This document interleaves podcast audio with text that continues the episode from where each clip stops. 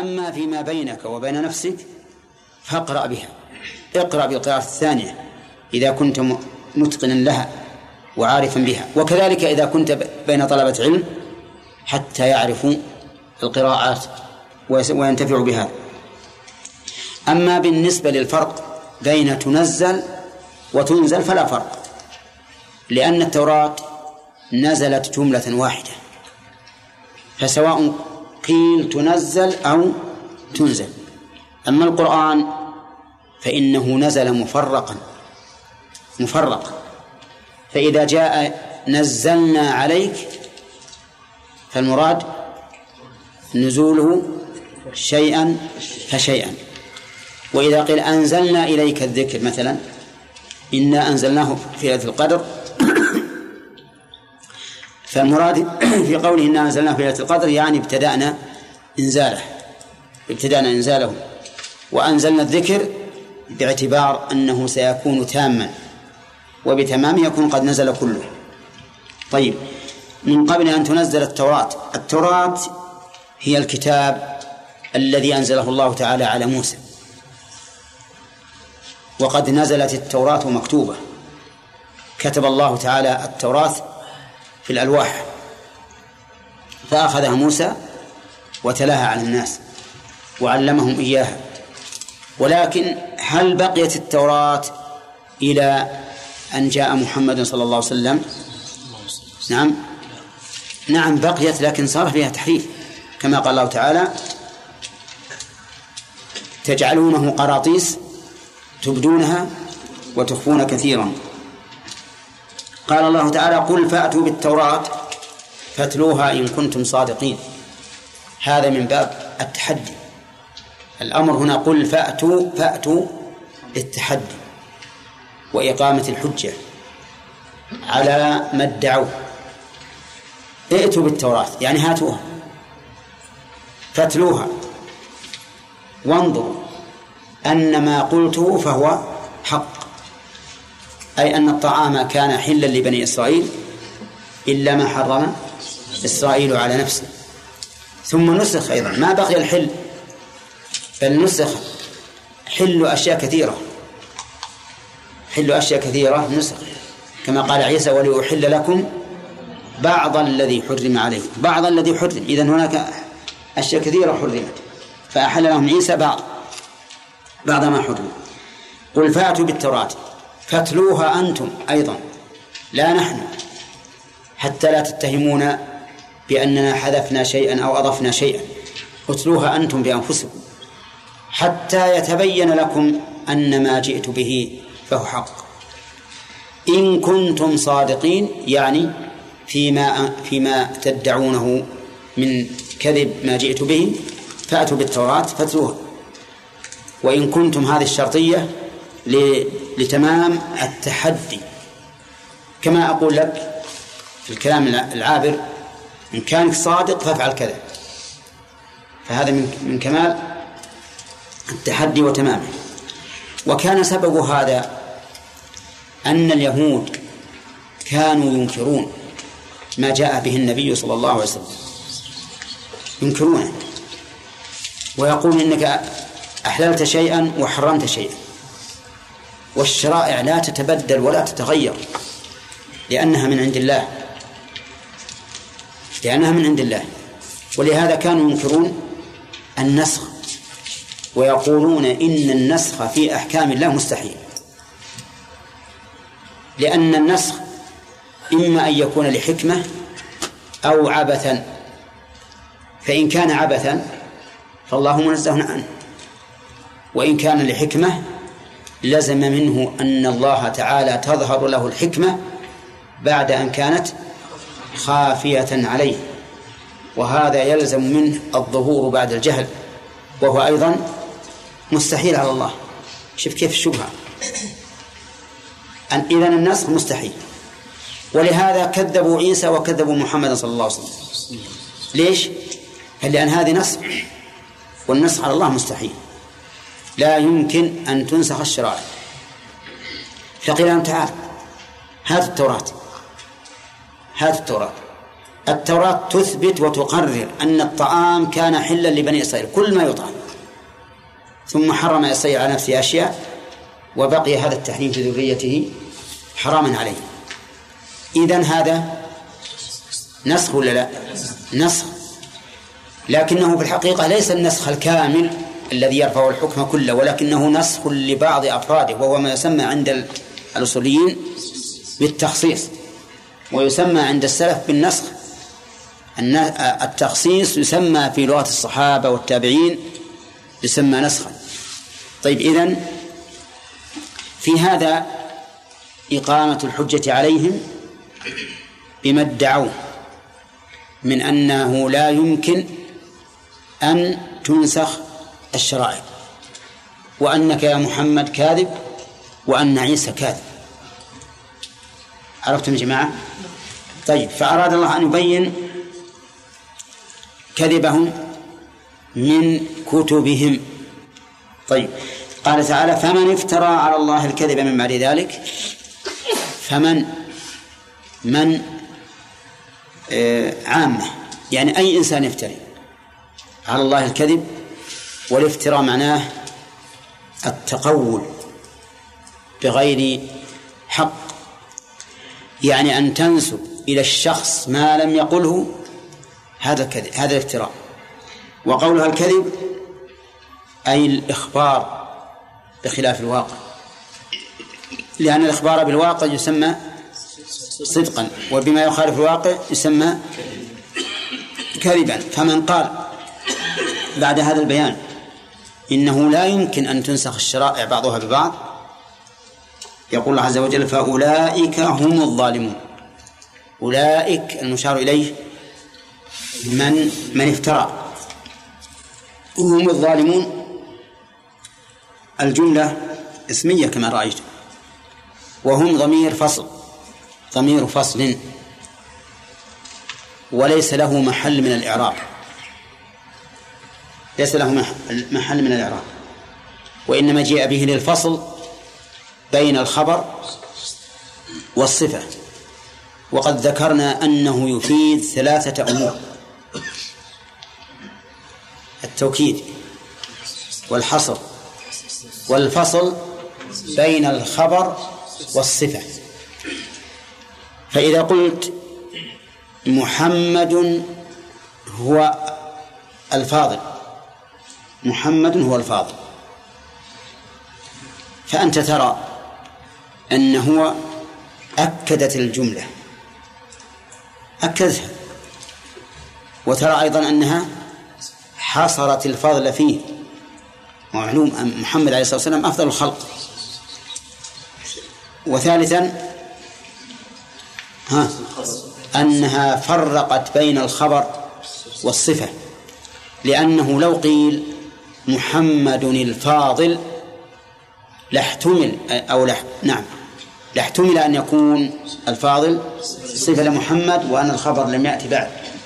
فإذا قيل هو الفاضل تعين أن تكون الفاضل خبرا. نعم طيب. فأولئك هم الظالمون. الظالمون يعني المتصفين يعني المتصفين بالظلم. والظلم في الأصل النقص. الظلم في الأصل هو النقص. كما قال تعالى كلتا الجنتين آتت أكلها ولم تظلم منه شيئا. أي لم تنقص منه شيئا. وهو في في الحقيقة إما تفريط في واجب وإما انتهاك لمحرم. الظلم يدل على شيئين تفريط في واجب وانتهاك لمحرم وكلاهما نقص لأن المنتهك للمحرم أو المفرط في الواجب قد نقص الأمانة والرعاية لأنه أمين على نفسه وراع عليها فإذا أقدم على فعل المحرم فقد أخل بما يجب عليه من الرعاية وخان الأمانة. وإذا فرط في الواجب فكذلك. ولهذا نقول إن الظلم يدور على أمرين إما تفريط في واجب أو انتهاك لمحرم. نرجع الآن إلى إعراب الآيتين قبل استنباط الفوائد. قوله كل الطعام كل مبتدأ. وكان حلا الجملة من كان واسمها وخبرها في محل رفع خبر مبتدأ. طيب. وقوله إلا ما حرم إسرائيل. مستثنى. من كلام تام. موجب. إذا يتعين فيه النصب. طيب.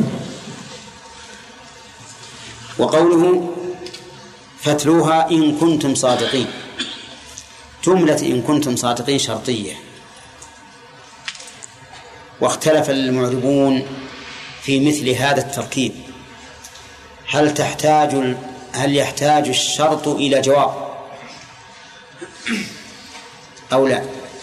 فمنهم من قال لا يحتاج إلى الجواب. لأن المعلوم عقلا أو حسا كالمذكور. ومنهم من قال إن الجواب محذوف. يدل عليه ما سبق. وتقديره على هذا القول فاتلوها إن كنتم صادقين فاتلوها. فيكون الخبر آل الجواب محذوفا دل عليه ما قبله ويحتمل أن يقال إن الجواب ما سبق. وسقطت الفاء من جواب من جواب الشرط وإن كان طلبيا لتقدمه على الأداة. على كل حال الجواب سواء قلنا أنه مستغن عنه أو إنه مذكور مقدم أو إنه محذوف دل عليه ما تقدم. فالمعنى واضح. طيب. وأما قوله فمن افترى على الله الكذب فهذه جملة شرطية. جملة شرطية.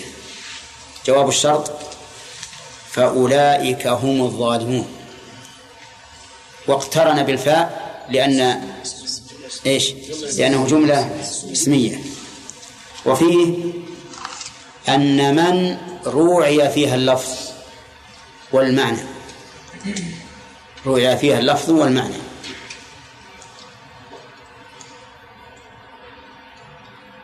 في الشرط روعي اللفظ.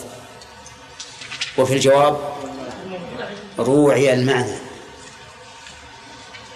كلام واضح ولا ها؟ كيف؟ قال فمن افترى على الله افترى. مصوغ للواحد ولا للجماعة؟ للواحد إذا مراعى فيه إيش؟ اللفظ فأولئك هم الظالمون مصوغ للواحد ولا للجماعة؟ للجماعة روعي فيه إيش؟ روعي فيه المعنى طيب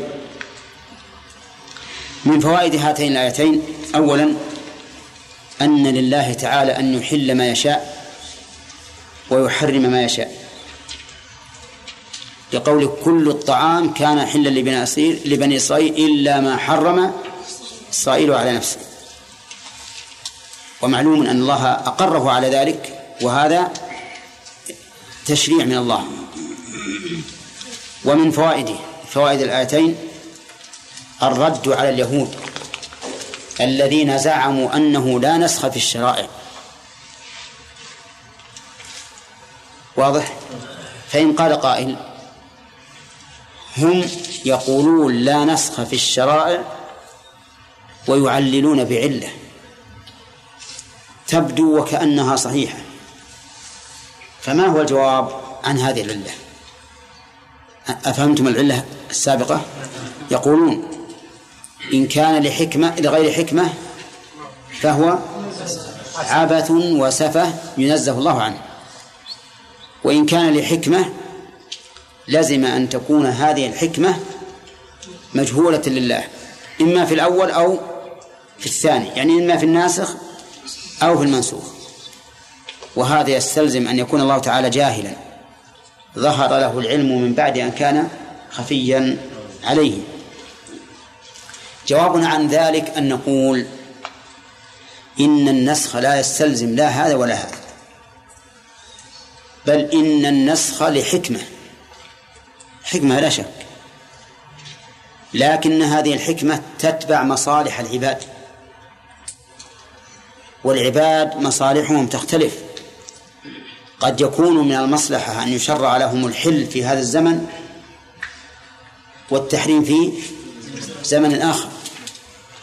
قد تكون هذه الأمة من المصلحة أن يشرع لها الحل والأمة الأخرى من المصلحة أن يشرع لها التحريم. فهنا الحكمة لا تتعلق بفعل الله ولكن تتعلق بالمخلوق الذي شرع له هذا الحكم. وهذا أمر يختلف بلا شك. فمثلا الناس في بدء الإسلام لا يتحملون جميع شرائع الإسلام. ولهذا جاءت الشرائع بالتدريج. بقي النبي عليه الصلاة والسلام عشر سنوات لا يجب على الناس لا صلاة ولا زكاة ولا صوم ولا حج. عشر سنوات بعد البعثة. كل هذا لتقرير التوحيد. لأن قلوب الناس في ذلك الوقت لا تحتمل أن يضاف إلى تحقيق التوحيد شيء آخر. ثم شرعت الصلاة. ثم شرعت الزكاة. ثم شرع الصوم. ثم شرع الحج في آخر الأمر. كل هذا من أجل مراعاة أحوال الناس. طيب وكذلك في الخمر. الخمر كان حلا. ثم كان عرض بتحريمه. ثم حرم في أوقات معينة. ثم حرم إلى الأبد. أربع مراحل. لأن الناس كانوا قد ألفوه. قال الله تعالى ومن ثمرات النخيل والأعناب تتخذون منه سكرا ورزقا حسنا. وهذه الآية نزلت في النحل هذه الآية في سورة النحل وقد نزلت في في مكة. تتخذون منه سكرا. العنب والرطب هما مادة العنب الخمر. ثم قال يسألونك عن الخمر والميسر قل فيهما إثم كبير ومنافع للناس وإثمهما أكبر من نفعهما والعاقل إذا علم أن إثمهما أكبر من نفعهما ها؟ يهديه عقله إلى تركهما ثم قال يا أيها الذين آمنوا لا تقربوا الصلاة وأنتم سكارى حتى تعلموا ما تقولون. إذا نجتنب الخمر وقت الصلاة لأن إن لم نجتنبه لازم أن نقرب الصلاة ونحن سكارى وهذا منهي عنه. إذا نجتنب الخمر خمس خمس أوقات في اليوم والليلة. يضعف شربه ولا لا؟ يضعف. جاءت آية المائدة فاجتنبوه. انتهى. نعم.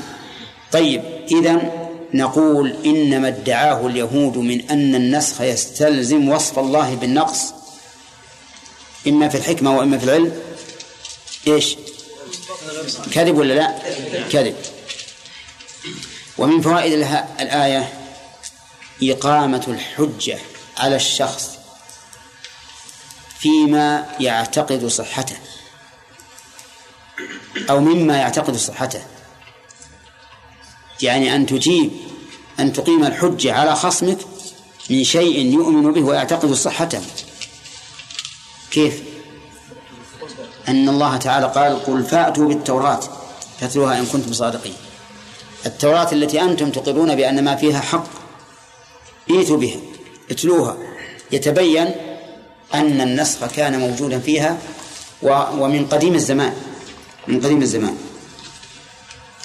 ومن فوائد هذه الآية أن التوراة منزلة كالقرآن. وهذا يدل على علو الله جل وعلا وأنه فوق كل شيء وهذا هو عقيدة أهل السنة والجماعة يقولون إن الله سبحانه وتعالى نفسه فوق كل شيء ليس. ليس الله فوق كل شيء في القدرة والسلطان والقهر فحسب. بل في هذا وفي نفسه فوق كل شيء. واضح جماعة؟ طيب. ما وجه دلالتها على علو الله؟ لأن التوراة من عند الله والنازل يكون من أعلى إلى أسفل. طيب.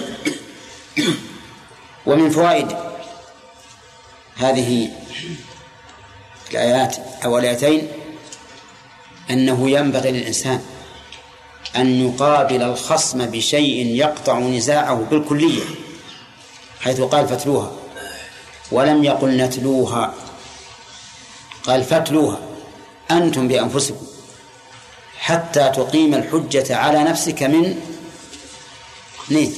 من نفسك. تقيم الحجة على نفسك من نفسك. لو أن أخذناها نحن وتولاناها ربما تقول أسقطت آية أو زدت آية فإذا تلوتها أنت بنفسك انقطعت حجتك ومن فوائدها أو من فوائدهما أنه ينبغي للإنسان أن يتحدى خصمه بما تبين به الحجة على وجه لا مفر له منه. بقول فتلوها إن كنتم صادقين.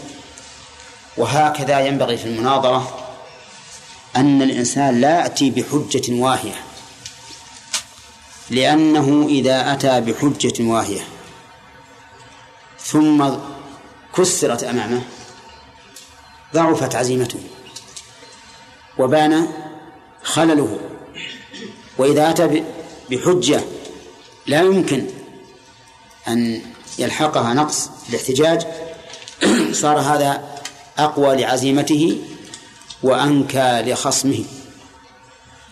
أرأيت حكم حاجة إبراهيم للذي حاجة في ربه؟ قال إبراهيم ربي الذي يحيي ويميت. يحيي ويميت؟ سهل هذا. أنا أحيي وأميت. يقول المحاج الخصم أنا أحيي وأميت. لكن هل هذه دعوة؟ أو منزلة على شيء معين. سبق لنا أنها أنه في أن فيها خلاف. بعضهم قال دعوة وهو كاذب لكن فيها إيهام. وبعضهم قال إنها منزلة على شيء معين وأن قوله أنا أحيي يعني أوتى بالرجل يستحق القتل فأرفع القتل عنه. فيكون في هذا إحياء. وأميت يعني آتي بالقتل آتي بالشخص البريء فآمر بقتله فيقتل. لكن إبراهيم لم يجادله مجادلة تحتاج إلى طول منازعة. قال له فإن الله يأتي بالشمس من المشرق فأتي بها من المغرب. آه. واضح الآن؟ واضح ما يقدر يتحرك أبد. ما يقول أنا أجيب القمر وأجيب النجم الفلاني. فبهت الذي كفر. انقطع. وهكذا ينبغي يا إخواني في المخاصمة. لا تذهبون تأتون بالأشياء المشتبهة. إذا أتيت بالشيء المشتبه قد تنقطع. والحق معك. فتكون خاذلا للحق. إيت بشيء قوي. ما يستطيع الخصم أن يفتته أبدا. ثم إن بعض العلماء قال اصرخ عليه. اصرخ لأنك إذا أتيت بقوة وحزم وصراخ نعم ما تقول في كذا قوة. نعم يروح وضع له ساعتين. نعم والشيء الذي يضعف الخصم وهو حق هذا أمر مطلوب. أمر مطلوب. كما كما يصرخ الفارس بعدوه إذا التقى الصفان صرخ فيه. صرخ فيه يعني بعض الفر... الفرسان يصرخ صرخة يجعل الفرس اللي تحته يقفز طول قامة الرجل. وهذه مفيدة للإنسان قوة عزيمة قوة عزيمة. وكل مقام له مقال لا أقول كل ما كلمت واحد تصرخ عليه و... وتجيب الحجج الدامغة. لا كل مقام له مقال لكن في مقام إنسان نازل بالباطل عليك به. قابله مقابلة إنسان يرى أنه فوقه بالحق. بالحق. ولهذا نبه الله على ذلك. قال فلا تهنوا وتدعوا إلى السلم وأنتم الأعلون. أنتم فوق. أنتم الأعلون. زد أيضا. والله معكم. سبحان الله أنت فوقه. والله معك. وأن يكون هو معه الشيطان وفي الأسفل تحت النعال. ولذلك في مقام النزاع أو المخاصمة بالحق ينبغي أن يكون الإنسان قوي الحجة وقوي القول. حتى لو أغلظ ما في مانع. أنا لا أغلظ لأجل أن تصل لنفسي ولكن لأجل أن تصل للحق. وأظن ابن القيم ذكر ذلك في النونية. قال أصرخ عليهم يعني أهل الباطل والبدع. أصرخ عليهم أصرخ بها بين أيديهم. وهكذا. طيب إذا نقول ينبغي في باب المناظرة أن تأتي بالحجة التي تدمغ الخصم بحيث هو يقدم الحجة لك. ائتوا بالتوراة فاتلوها. إذا أتوا بالتوراة وتلوها وصارت موافقة لما جاء به محمد عليه الصلاة والسلام صاروا يقدمون الحجة لك ها على أنفسهم. نعم. ومن فوائد هذه الآيتين هاتين الآيتين أنه متى ظهر الحق. فحاص الإنسان عنه. صار أشد ظلما. لقوله فمن افترى على الله الكذب من بعد ذلك فأولئك هم الظالمون كأنه لا ظالم هم سواهم. كان هم الذين أخذوا الظلم كله. لأنه إذا قامت الحجة ما بقي للإنسان محجة. يعني ما بقى له أي طريق يمكن أن يتوصل إليه أو أن يفر منه. طيب. ومن فوائد هذه الآية الآيتين أن من عباد الله من يفتري الكذب على الله. من عباد الله من يفتري الكذب على الله. طيب والذي يفتري الكذب على الله؟ يفتري الكذب على الرسول؟ من باب أولى. والذي يفتري الكذب على الرسول يفتري على الناس؟ من باب أولى أيضا. نعم. إذا ففي فإذا إذا افترى عليك إنسان شيئا فلا تستغرب. افترى الناس على الله الكذب وافتروا على الرسول الكذب. فلا يفترون عليك. من أنت بالنسبة إلى الله ورسوله؟ طيب ومن فوائد هذه هاتين الآيتين أنه لا عذر مع أنه لا إثم مع الجهل. لا إثم مع الجهل. لقوله من بعد ذلك أي من بعد أن يتبين الحق فهذا هو الظالم. أما من ارتكب محرما قبل أن يتبين له الحق, آه، فإنه لا يلحقه إثم ذلك المحرم. لا شك لا في الواجبات ولا في المحرمات.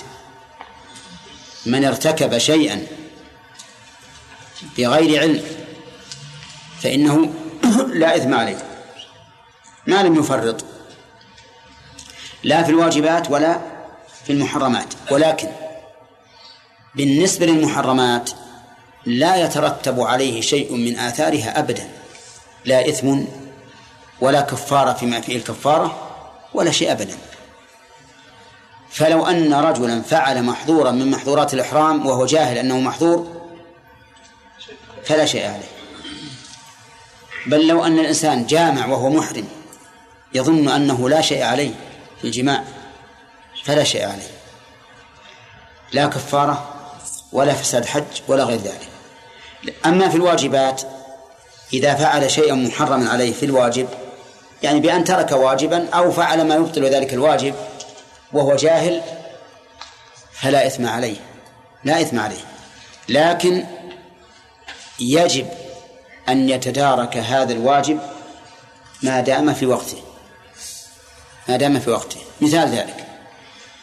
رجل جاءنا وقال إنه صلى صلاة الظهر ولكنه ما قرأ الفاتحة. ما لم يعلم أن الفاتحة واجبة. فجاء يسألني. ماذا تقولون؟ نقول لا إثم عليك. ليس عليك إثم. مع أنك لو تركت الفاتحة وأنت, وأنت تعلم أنها واجبة ها؟ لأثمت بلا شك. لأثمت لأن هذا من اتخاذ آيات الله هزوا.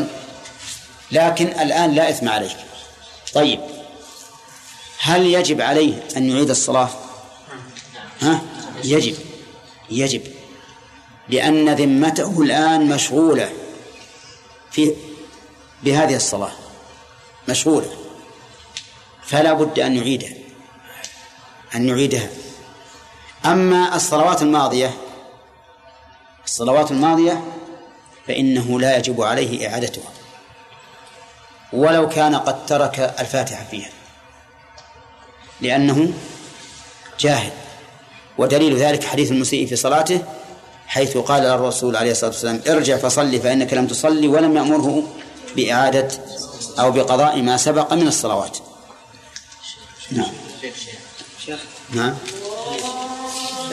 اتبعوا ملة إبراهيم حنيفا وما كان من المشركين. إن أول بيت وضع للناس للذي ببكة مباركا وهدى للعالمين. فيه آيات بينات مقام إبراهيم. ومن دخله كان آمنا. ولله على الناس حج البيت من استطاع إليه سبيلا. ومن كفر فإن الله غني عن العالمين. بس.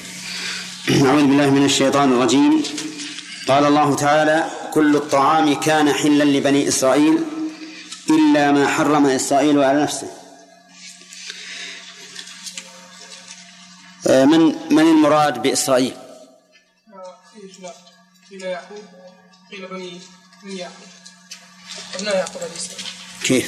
يعني بعض أهل العلم قال أنه يعقوب معين بشخص علم نعم. بعض أهل العلم قالوا أنه أبناء يعقوب عليه السلام توافقون على هذا؟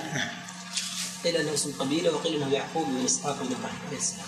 كيف اسم القبيلة؟ هذه؟ هي؟ اي نعم إسرائيل نفسه. قيل أنه اسم قبيلة وقيل أنه لا بس هو ما هي هذه الآية؟ صحيح إسرائيل تطلق على القبيلة لكن في هذه الآية؟ بني إسرائيل؟ نعم. ابناء يعقوب بن إسحاق بن إبراهيم. إسحاق ابن ابن إبراهيم. ابن إبراهيم. طيب قوله إلا ما حرم إسرائيل على نفسه. ما الذي حرمه؟ قيل أنه حرم آه، الإبل. حرم أكل لحم الإبل. أكل لحم الإبل على نفسه. نعم. والصحيح؟ الصحيح. حمد؟ الله سبحانه وتعالى أبهم في هذه الآية ما حرمه إسرائيل على نفسه فنوبهم ما أبهمه. فنفهم ما أفهمه الله. إلا بدليل عن معصوم. أما ما ينقله بنو إسرائيل في ذلك فلا نصدقه ولا نكذبه قوله من قبل أن تنزل التوراة ما المراد بالتوراة؟ هو الكتاب الذي نزل على موسى على عيسى على من؟ على عيسى. ها؟ على موسى عليه السلام. على موسى. طيب.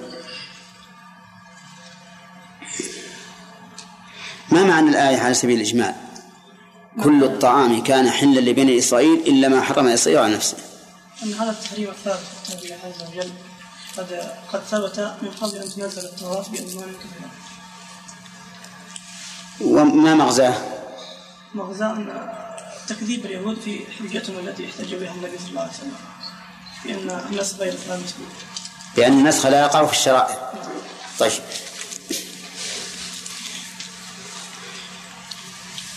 قوله إن كنتم صادقين.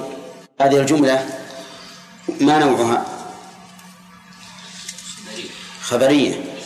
طيب وغير؟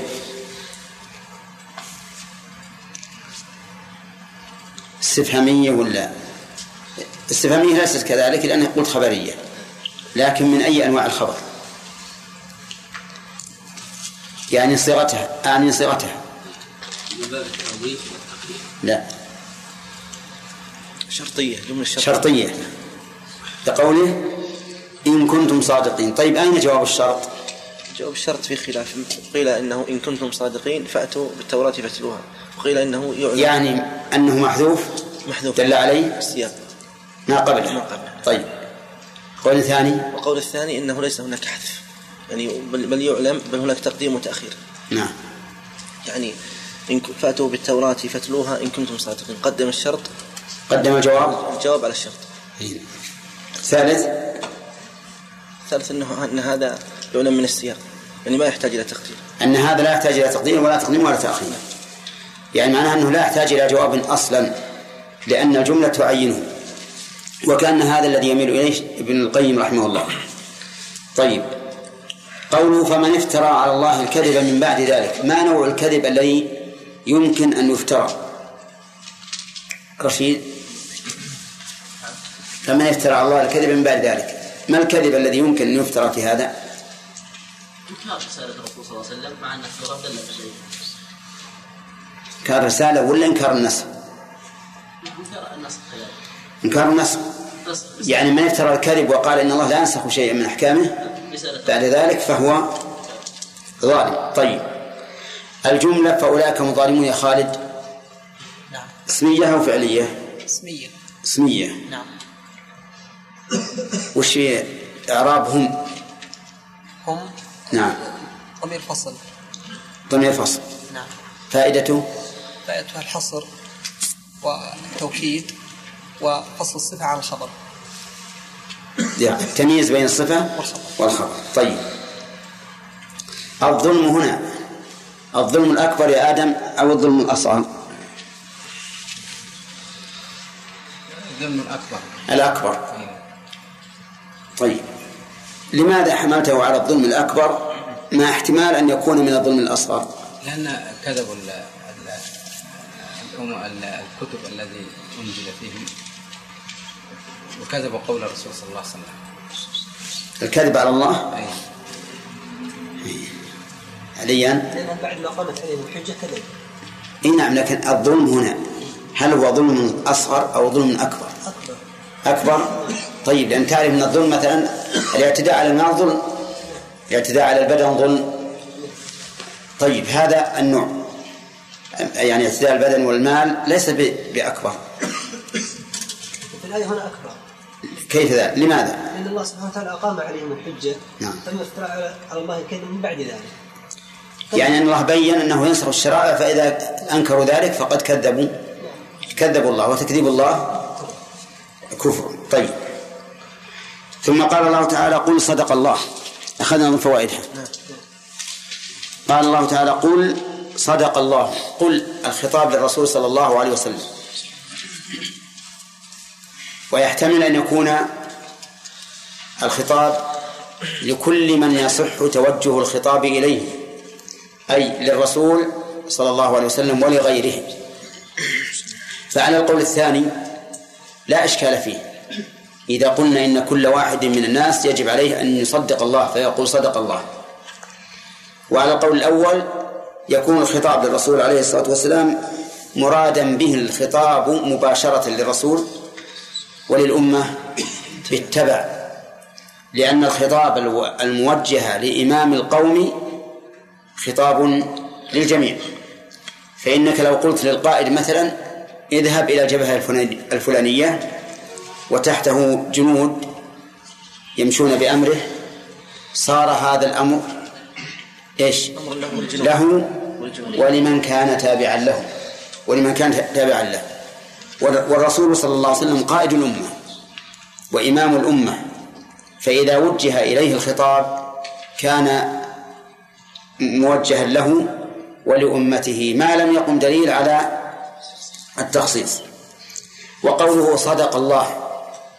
جملة تتضمن الثناء على الله بالصدق. وقد قال الله تعالى ومن أصدق من الله قيلا فلا أحد أصدق من الله. والصدق مطابقة الخبر للواقع والكذب مخالفة الخبر للواقع. فإذا قلت غربت الشمس وقد غربت فعلا فهذا صدق. وإذا لم تغرب فهذا كذب. إذن فالصدق موافقة الخبر. إيش؟ الخبر. الخبر للواقع والكذب مخالفة الخبر للواقع. طيب هل يضاف إلى ذلك مع اعتقاد الوقوع؟ بمعنى أنه لو أن شخصا أخبر بالواقع بما يطابق الواقع ولكنه يعتقد في نفسه أنه كاذب. فهل نقول إن خبره هذا صدق أو كذب؟ كذب بالنسبة للنفس هو بالنسبة له صدق لأنه موافق للواقع. لكن عليه إثم الكاذب إذا كان يعتقده هو أنه كاذب في ذلك. طيب الكذب مخالفة للخبر للواقع. هل نقول بحسب اعتقاد المتكلم أو سواء كان موافقا لاعتقاده أو لا؟ نعم نقول سواء كان موافقا لاعتقاده أو لا. حتى لو اعتقد أنه صدق وقد خالف الواقع فهو كذب. ولهذا نقول إن اليهود الذين زعموا أنهم صلبوا المسيح ابن مريم عليه الصلاة والسلام وإن كانوا يعتقدون الصدق فهم كاذبون. والنصارى الذين قالوا إن الله ثالث ثلاثة هم أيضا كاذبون وإن كانوا قد اعتقدوا الصدق. إذا لا يشترط اعتقاد القائل موافقة ما أخبره للواقع ما أخبر به للواقع أو مخالفته للواقع.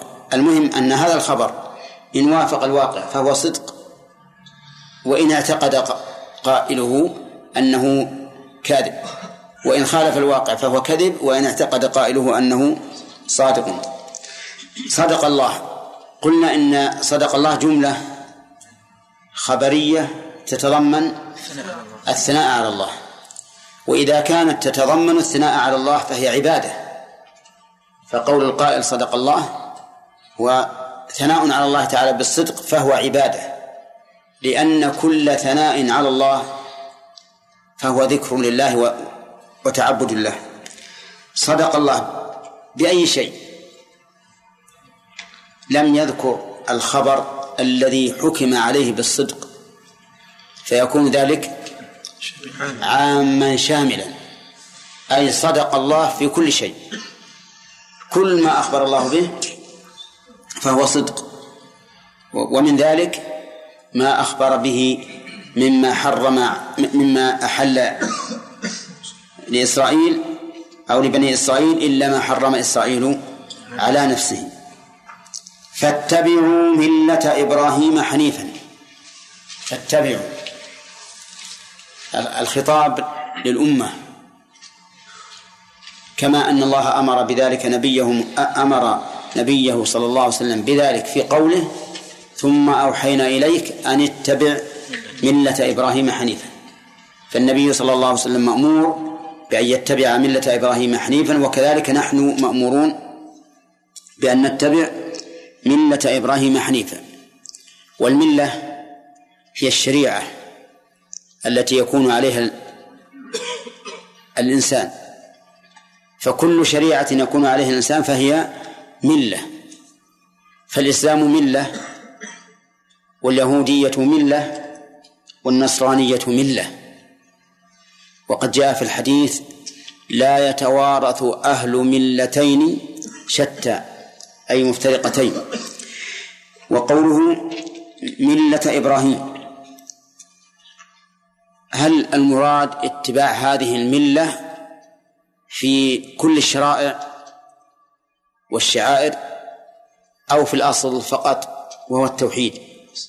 المراد هذا. ثاني يعني اتبعوا ملة إبراهيم في التوحيد وعدم الشرك ولهذا قال حنيفا وما كان من المشركين حنيفا أي مائلا عن كل شرك. وما كان من المشركين هذه الجملة معطوفة على ما سبق من باب عطف المترادف المترادفين. أو المرادف على مرادفه. فالحنيف معناه المائل عن كل شرك. وما كان من المشركين توكيد لذلك. وإذا انتفى الشرك في ملة إبراهيم لزم من ذلك أن يكون إيش؟ مخلصا في التوحيد. أن يكون مخلصا في التوحيد. وهو كذلك ولهذا يسمى إبراهيم عليه الصلاة والسلام إمام الحنفاء وقوله حنيفا يعني مائلا عن كل شرك. ثم قال وما كان من المشركين أي الذين يدخلون الشرك في عبادتهم. في هذه الآية الإعراب ليس فيه إشكال إلا قوله حنيفا. فما إعرابها. منصوبة على إيش؟ على الحال من إبراهيم. على الحال من إبراهيم. يعني حال كونه حنيفا.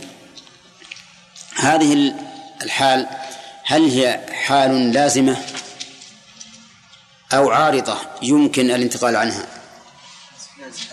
نعم هي حال لازمة. وإلا لما صح أن نؤمر باتباعها. في هذه الآية من الفوائد وجوب الأمر نعم وجوب تصديق الله عز وجل في كل ما أخبر به. لقوله قل صدق الله. ومن فوائدها وجوب الإيمان بما أخبر الله به عن نفسه من الأسماء والصفات. وهذا يستلزم تحريم تغييرها عن المراد بها. أي تغيير النصوص التي أخبر الله بها عن نفسه من الأسماء أو الصفات. ومن فوائد هذه هذه الآية وجوب اتباع ملة إبراهيم لكن في أصل الشرائع. فإن قال قائل ما الدليل على تقييدكم إياها بأصل الشرائع؟ مع أن الآية عامة. قلنا الدليل قوله تعالى لكل جعلنا منكم شرعة ومنهاجا. فدل ذلك على أن الشرائع تختلف بحسب حاجات الناس ومصالحهم. أما أصلها وهو التوحيد فإنها فإن جميع الشرائع تتفق فيه. وما أرسلنا من قبلك من رسول إلا نوحي إليه أنه لا إله إلا أنا فاعبدون. ومن فوائدها الثناء على إبراهيم عليه الصلاة والسلام بأنه حنيف وإمام ولهذا أمرنا باتباعه. ومن فوائد هذه الآية أنه يجب على الإنسان أن يتبع الحق أينما كان سواء كان من الرسول الذي أرسل إليه مباشرة أو من الرسل السابقين. ومن فوائد هذه الآية انتفاء الشرك عن إبراهيم انتفاء كاملا لقوله حنيفا وما كان من المشركين. هل يؤخذ من هذا دم الشرك والنهي عن اتباعه؟ كيف ذلك؟ لأن الأمر بالشيء نهي عن ضده. فإذا أمرنا بالإخلاص فهذا يستلزم أننا منهيون عن الإشراك. ثم قال الله تعالى إن أول بيت وضع للناس للذي ببكة مباركا وهودا للعالمين. إن أول بيت وضع للناس أي وضع لعبادة الناس. وليس أول بيت وضع في الأرض يعني مما يبنى. ولكنه أول بيت وضع للناس للعبادة والتعبد لا الذي ببكة وهو الكعبة. زادها الله تعالى تشريفا وتعظيما. وبكة اسم من أسماء مكة. وسميت بذلك قالوا لأنها تبك أعناق الجبابرة أي تقطعها. وقيل لأنه لا يوصل إليها إلا بمشقة وتعب وقيل غير ذلك. ولكن المهم كل المهم أن المراد ببكة مكة. وقد ذكرها الله تعالى في هذه السورة بهذا الاسم وذكرها في سورة الفتح باسم مكة. في قوله؟ نعم. وهو الذي كف أيديهم عنكم وأيديكم عنهم ببطن مكة. مكة. إذن فلها اسمان مذكوران في القرآن. وأما القرية فهي اسم جامع لمكة وغيرها. كما قال تعالى وكأي من قرية هي أشد قوة من قريتك التي أخرجتك أهلكناهم. يقول عز وجل للذي بك مباركا. مباركا أي أن فيه البركة. وبركاته متعددة. فمن ذلك أن من حج فلم يرفث ولم يفسق رجع كيوم ولدته أمه. ومن ذلك أن الحسنات فيه مضاعفة.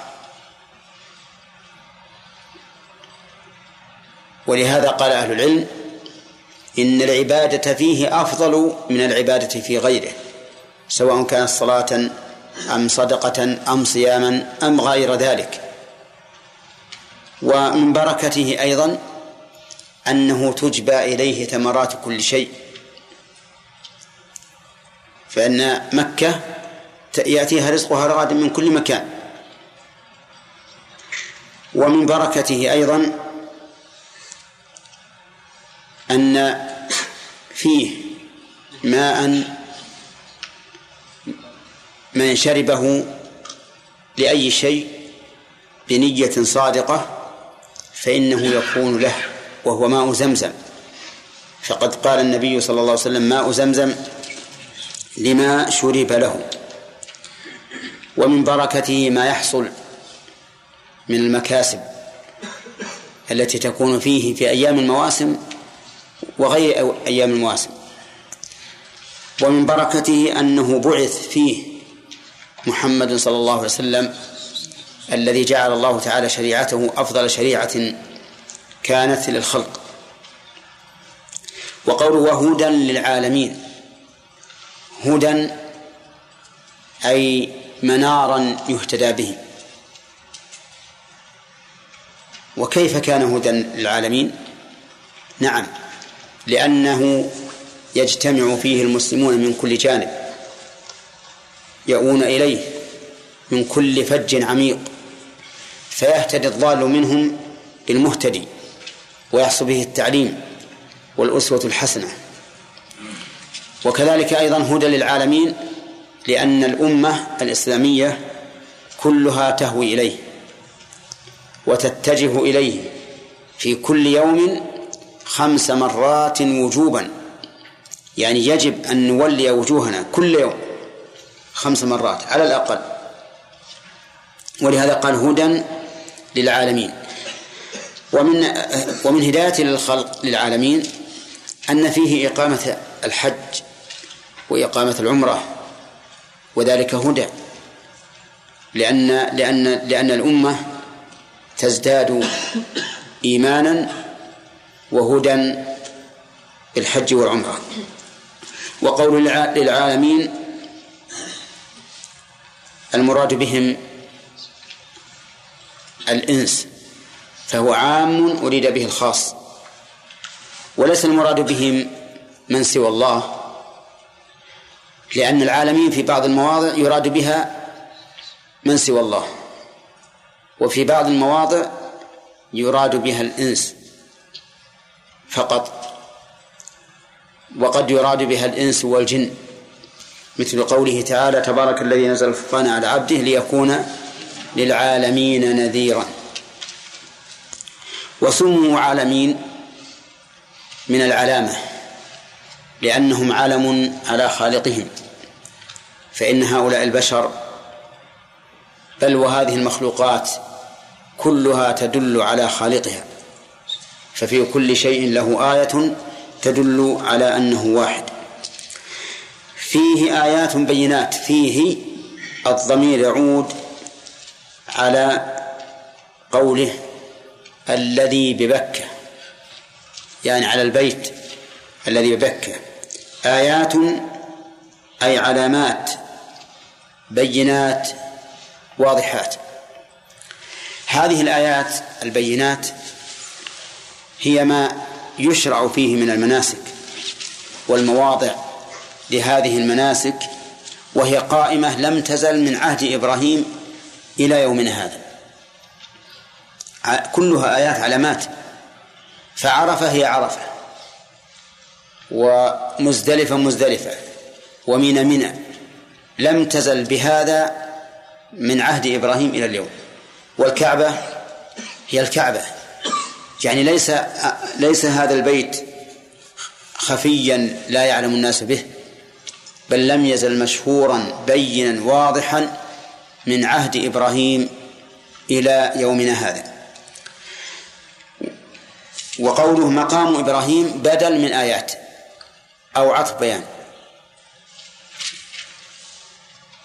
ومقام إبراهيم مكان قيامه مكان قيامه. فهل المراد بذلك الحجر المسمى بالمقام لقوله صلى الله عليه وسلم واتخذوا من مقام إبراهيم مصلى حين تقدم إليه بعد انتهاء الطواف؟ أو المراد بالمقام مقامه في المناسك عموما على قولين لأهل العلم. فمنهم من قال إن المراد به المقام الخاص وهو الحجر الذي صار يرتفع عليه حين ارتفع بناء الكعبة. أو أن المراد به كل مقام قامه في مناسك الحج. وإذا دار الأمر بين العموم والخصوص فالأولى الأخذ بالعموم. لأن الأخذ بالعموم يتناول الخاص ولا عكس. وعلى هذا فيقال مقام إبراهيم مكان قيامه في مناسك الحج. وهذه وهذا المقام موجود من عهد إبراهيم إلى أن بعث الرسول صلى الله عليه وسلم وإلى يومنا هذا. ولم يتغير إلا بحمية الجاهلية حمية قريش فإنهم غيروا الوقوف بعرفة وجعلوه في مزدلفة فغيروا هذا المقام وقالوا نحن أهل الحرم ولا يمكن أن نخرج إلى الحل والخروج إلى الحل إنما يكون من أهل الحل ولهذا كانت قريش في يوم عرفة ما تقف بعرفة تقف في مزدلفة حتى يأتي الناس إليها. فأمر الله تعالى أن يفي أن يفيضوا من حيث أفاض الناس. يعني أن يفيضوا من عرفة. ودل على ذلك حديث جابر رضي الله عنه قال فأجاز حتى أتى عرفة. قال ولم تشك قريش أنه واقف بمزدلفة كما كانت قريش تصنع في الجاهلية. لكنه صلى الله عليه وسلم أجاز حتى أتى عرفة فوقف بها لأنها هي التي كانت على زمن إبراهيم. ثم قال الله عز وجل ومن دخله كان آمنا. من دخله أي من دخل هذا البيت. كان آمنا. والمراد بالضمير في قول من دخله المراد به جميع الحرم. وإن كان ظاهره أن المراد به نفس البناء الذي هو الكعبة لكن السنة دلت على أن الحكم عام في جميع الحرم. طيب وقوله من دخله كان آمنا هل هذه الجملة تابعة لقوله فيه آيات بينات فتكون خبرا عن حال هذا البيت أو أنها جملة إنشائية؟ معنى إنشائية معنى يعني أن الله تعالى أمر بأن يكون الداخل له آمنا. على قولين لأهل العلم. فمنهم من قال إن هذه الجملة تابعة لما سبق أي تابعة لقوله مقام إبراهيم ومن دخله كان آمنا فتكون من الآيات البينات.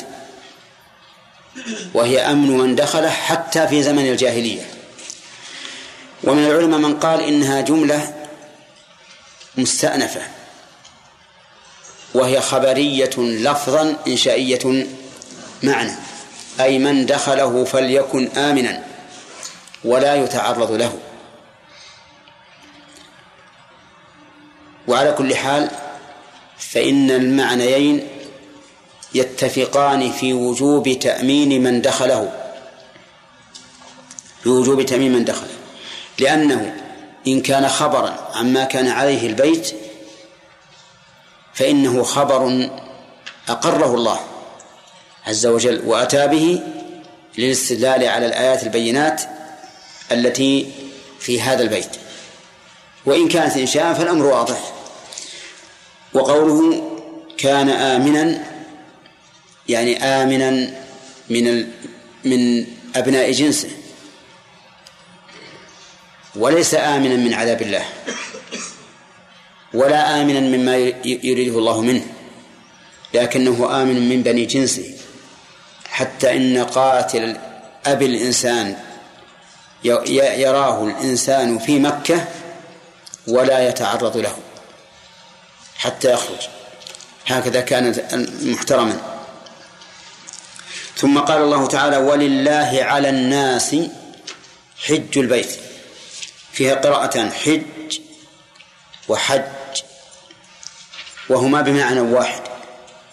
لله على الناس حج البيت. اللام للاستحقاق في قوله ولله. وعلى للوجوب. أي يجب على الناس حقا لله أن يحج البيت. حج البيت أي قصده. لأن الحج في اللغة القصد. والمراد به قصده على الوجه الذي شرعه الله. بأن يأتي الإنسان بالمناسك المشروعة وقوله من استطاع من هذه بدل من الناس؟ بدل من الناس. بدل بعض من كل. وذلك لأن الناس قسمان مستطيع وغير مستطيع. فالمستطيع بعض من الناس. ولهذا قلنا إن هذا البدل إيش؟ بدل بعض من كل.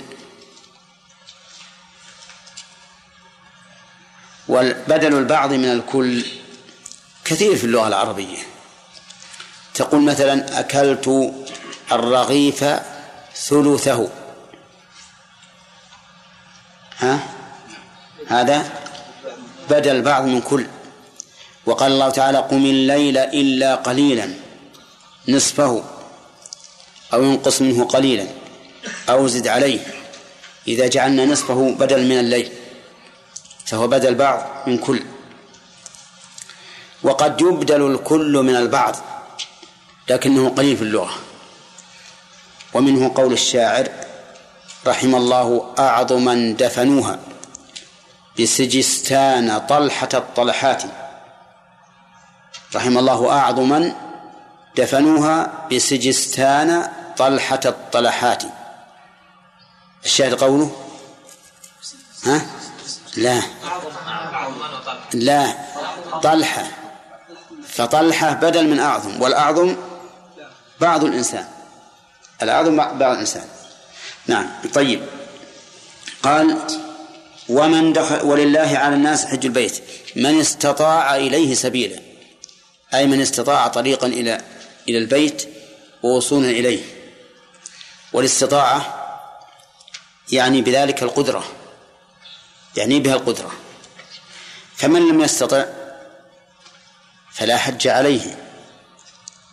فإن قال قائل هذا الشرط ثابت في كل عبادة لقوله تعالى فاتقوا الله ما استطعتم. فلماذا قيده قيد وجوب الحج بالاستطاعة مع أنه شرط مفهوم معلوم؟ فالجواب عن ذلك أنه لما كان الوصول إلى البيت شاقا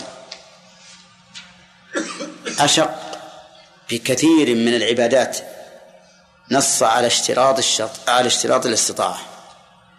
وإلا فلا شك أن كل العبادات لا تجب إلا بالاستطاعة.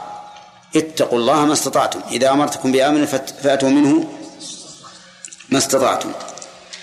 الاستطاعة بالبدن أو بالمال أو بهما.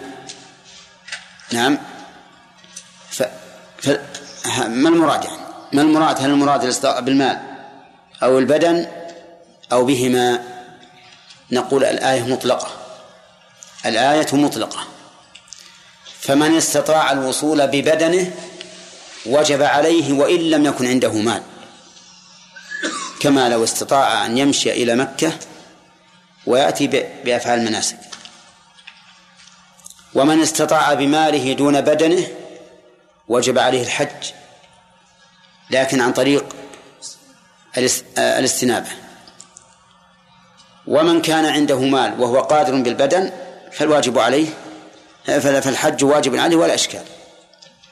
إذن الاستطاعة لا نقيدها بالبدن والمال نقول سواء قدر بماله أو ببدنه أو بهما. فإن عجز بماله وبدنه بأن كان فقيرا ولا يمكنه أن يحج لضعف في بدنه. فهنا ينتفي عنه الوجوب لأنه غير قادر. إذن القادر بماله إيش؟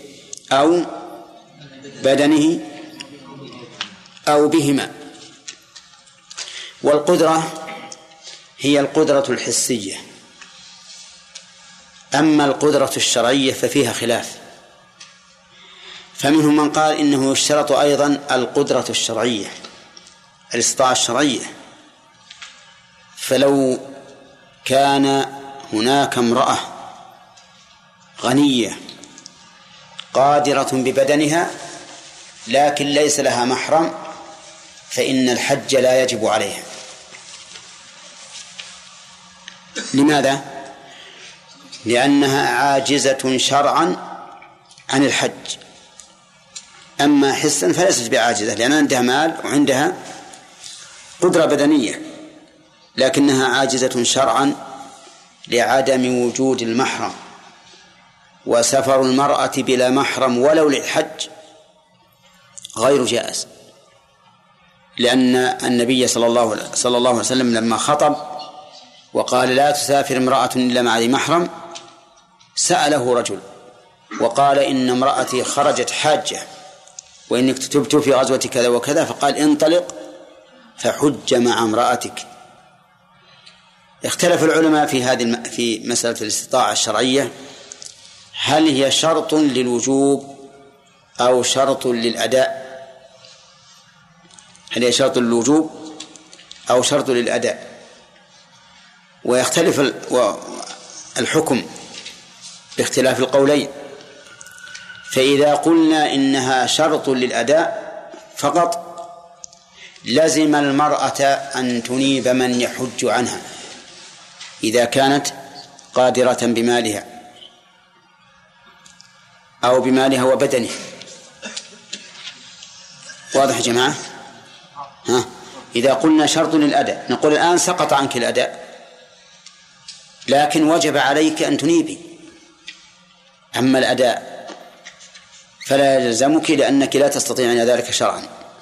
وإذا قلنا إن إنه أي الاستطاعة الشرعية شرط للوجوب فإن هذه المرأة لا يلزمها أن تنيب من يحج عنها. هذا هذا فرق الفرق الثاني لو ماتت هذه المرأة القادرة بمالها وبدنها على الحج لكن ليس لها محرم لو ماتت فهل يكون الحج دينا في تركتها؟ فيلزم الورثة أن يقيموا من يحج عنها أو لا؟ نعم. ما نقول؟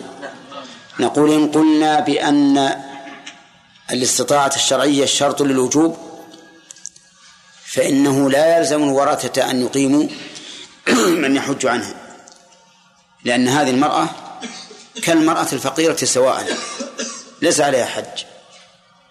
وإن قلنا بأنه شرط للأداء لزم الورثة إيش؟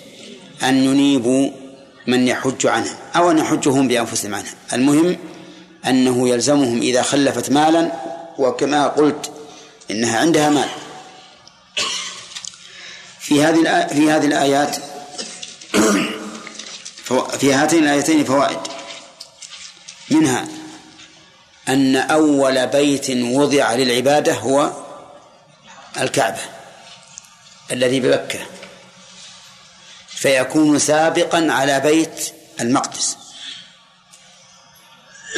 وآخر بيت وضع للعبادة المسجد النبوي. وهذه هي المساجد الثلاثة التي تشد إليها الرحال. كما قال النبي عليه الصلاة والسلام لا تشد الرحال الرحال الرحال إذا قلنا لا تشد لا تشد الرحال. وإن قلنا لا تشد الرحال فهي بالضم إلا إلى ثلاثة مساجد المسجد الحرام ومسجد هذا والمسجد الأقصى. ومن فوائد هذه الآية أن تقدم المكان في العبادة له أثر في تفضيله. لقوله إن أول بيت وضع الناس الذي ببكة وهذا المراد به التفضيل. ولهذا قال العلماء إن المسجد الأسبق في إقامة الجماعة فيه أفضل من المسجد الحديث. فإذا كان حول الإنسان مسجدان أحدهما قديم والآخر جديد ولم يتميز أحدهما عن الآخر بفضيلة أخرى فإن القديم أفضل من الجديد. لسبقه في العبادة فيه. ومن فوائد هذه الآية الرد على بني إسرائيل. وهو أن محمدا صلى الله عليه وسلم بعث من البلد الذي فيه أول مسجد وضع للناس. وأنبياء بني إسرائيل بعثوا في بيت المقدس. في بيت المقدس. فيكون في هذا رد على اليهود الذين يقدسون بيت المقدس. وكذلك النصارى الذين يقدسونه فقيل لهم إن الكعبة التي بعث منها رسول الله صلى الله عليه وسلم أفضل من بيت المقدس. ومن فوائد هذه الآية أن من أسماء مكة بكة ولها أسماء كثيرة ذكرها من تكلموا في تاريخ مكة. ومن فوائد هذه الآية الكريمة أن هذا البيت مبارك وسبق لنا بيان بركته لقوله مباركا. ومن فوائدها أن هذا البيت هدى للعالمين. يعني أن الناس يهتدون به بما يقيمونه من الشعائر أو يهتدون به حيث يتوجهون إليه في صلواتهم.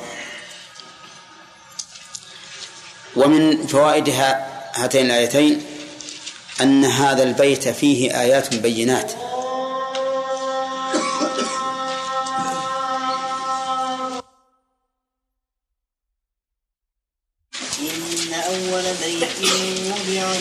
قرأنا هذا. قرأنا. قل يا أهل الكتاب لم تكفرون بآيات الله والله شهيد على ما تعملون. قل يا أهل الكتاب لم تصدون عن سبيل الله من آمن تبغونها عوجا وأنتم شهداء. وما الله بغافل عما تعملون. يا أيها الذين آمنوا إن تطيعوا فريقا من الذين أوتوا من الذين أوتوا الكتاب يردوكم بعد إيمانكم كافرين. وكيف تكفرون وأنتم تتلى عليكم آيات الله وفيكم رسوله ومن يعتصم بالله فقد هدي إلى صراط مستقيم. أعوذ بالله من الشيطان الرجيم. أظن أننا لم نأخذ فوائد. ها؟ اللي هم؟ قال الله تعالى ومن كفر فإن الله غني عن العالمين. يعني أن من حج البيت عند الاستطاعة فقد أدى فريضته ومن كفر يعني فلم يحج فكفر هذه الفريضة ولم يقم بها فإن الله غني عن العالمين عن كل أحد لأن المراد بالعالمين هنا من سوى الله. فهي كقوله تعالى الحمد لله رب العالمين. وقد يطلق العالم على بعض الأفراد بعض أفراده. مثل مثل قوله تعالى تبارك الذي نزل الفرقان على عبده ليكون للعالمين نذيرا. فإن المراد بالعالمين هنا الإنس والجن.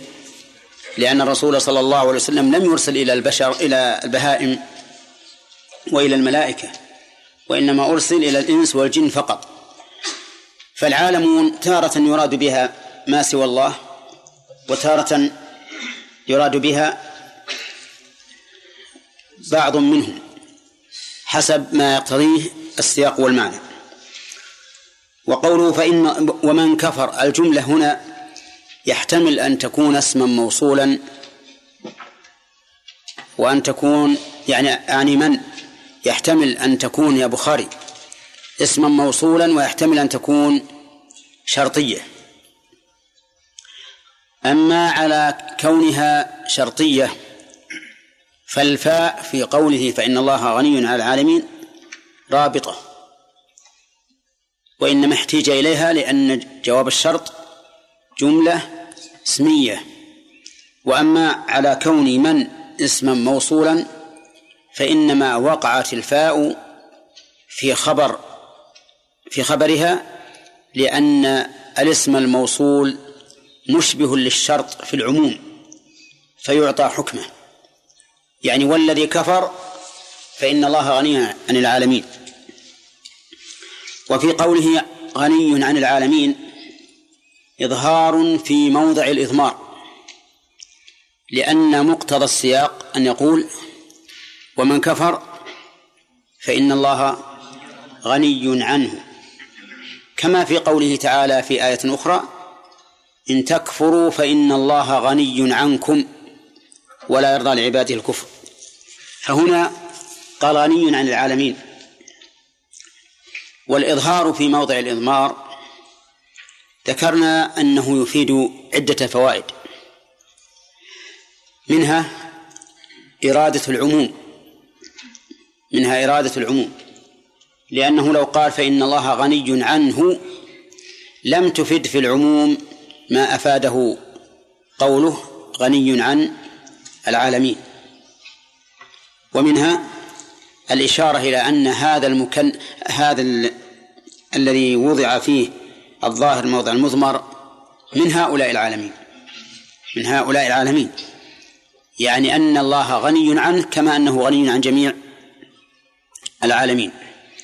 ومنها لكن لا, يستقيم هنا آه، القياس عليه في العلة والمعنى الذي أفاده هذا المضمر أو هذا الظاهر الذي أفاده هذا الظاهر.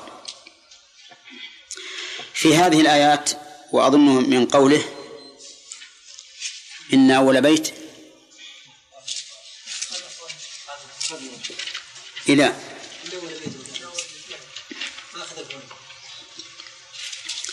من فوائد هاتين الآيتين. أولا أن أول بيت وضع للناس للعبادة هو الكعبة الذي في مكة والآية في ذلك صريحة. وبعده بيت المقدس والثالث المسجد النبوي. ومن فوائد هاتين الآيتين فضيلة هذا البيت بكونه أول بيت وضع للناس. ومن فوائدها أن الكعبة معظمة عند جميع المسلمين عند جميع الناس عند جميع الخلق. لأنه إذا كان أول بيت وضع للناس فسوف يعظمه الناس. ولهذا ذهب كثير من أهل العلم إلى أن القبلة هي الكعبة لليهود والنصارى والمسلمين وجميع أهل الأديان. كما ذكره شيخ الإسلام ابن تيمية رحمه الله. ولكن اليهود صاروا يتجهون إلى بيت المقدس والنصارى صاروا يتجهون إلى المشرق وهو من جملة ما حرفوه من دينهم وإلا في الأصل أن الكعبة قبلة لجميع الناس. ومن فوائد هذه هاتين الآيتين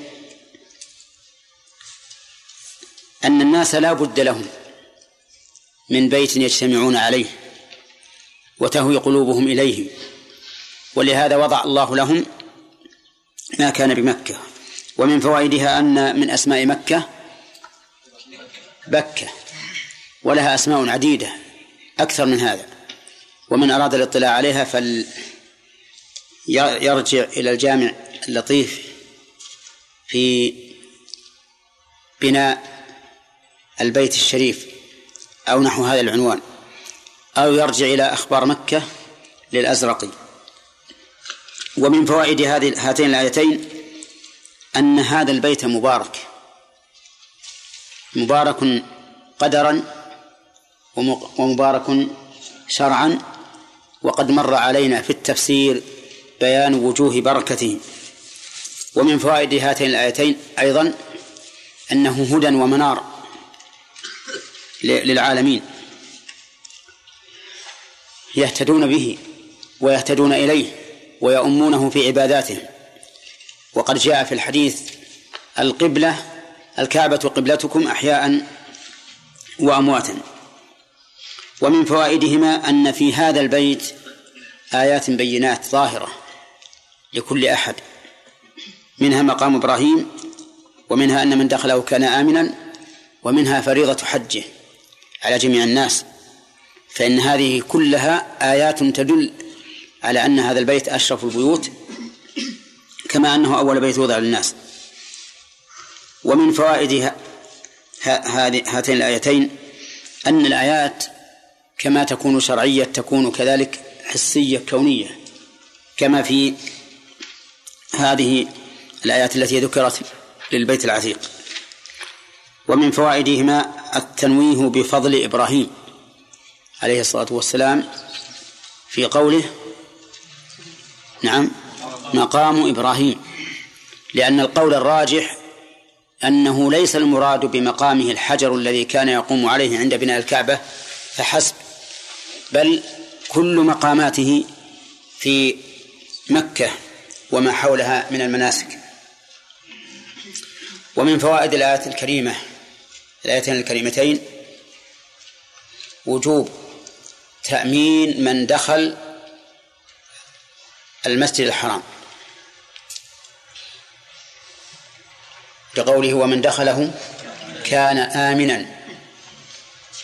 وقد حرم النبي عليه الصلاة والسلام أن يسفك في مكة دم وأن يقطع فيها شجرة وأن يختلى وأن ينفر صيدها فضلا عن قتله.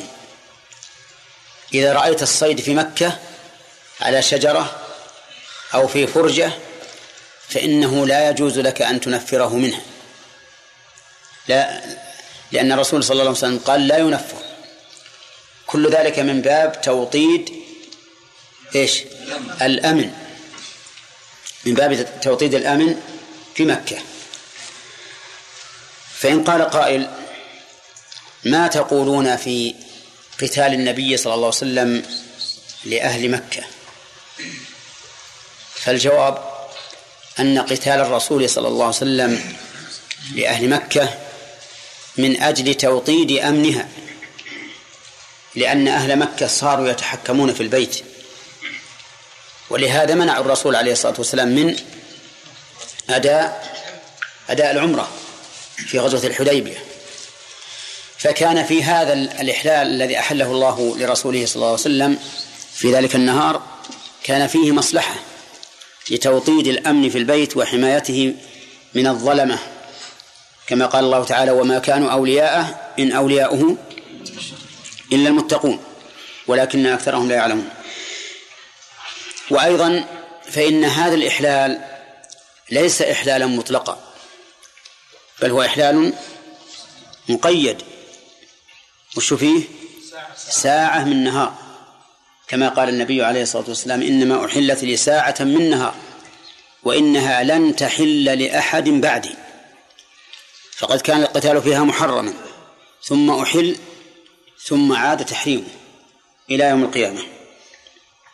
ومن فوائد هذه الآية هاتين الآيتين أن حرمة المسلم أعظم من حرمة البيت. حرمة المسلم أعظم من حرمة من حرمة البيت. فالذين ينتهكون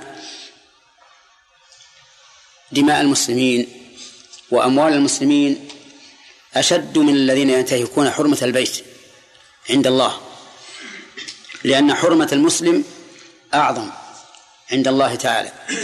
ودليل ذلك أن القتال في مكة محرم. ولكن الله قال فإن قاتلوكم إيش؟ فاقتلوهم. إن قاتلوكم فاقتلوهم. فلما أرادوا هتك دماء المسلمين وقاتلوا المسلمين أمر الله بقتلهم. أمر الله بقتلهم مع أن في قتلهم انتهاكا إيش؟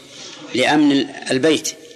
لكن لما أرادوا الاعتداء على حرمة المسلم أبيحت دماؤهم ولهذا تجدوا تجدون الآية الكريمة على القراءة المشهورة إن قاتلوكم فاقتلوهم ولم يقل فقاتلوهم وإن كان فيها قراءة فقاتلوهم لكن المراد قاتلوهم حتى تقتلوهم. والقتل أبلغ من المقاتلة. القتل أبلغ. اقتلوهم لأنهم هم الذين انتهكوا حرمة البيت فلم يبق لهم حرمة. ومن فوائد هذه الآية الكريمة وجوب حج البيت على من استطاع إليه سبيلا.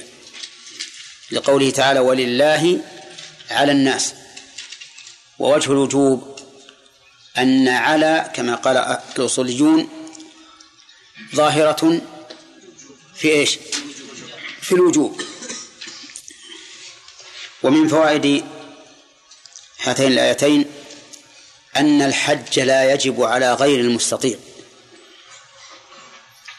لقوله من استطاع إليه سبيلا وسبق لنا أن الاستطاعة تكون بالمال والبدن وبهما جميعا. يعني بالمال أو البدن أو بهما جميعا على ما سبق.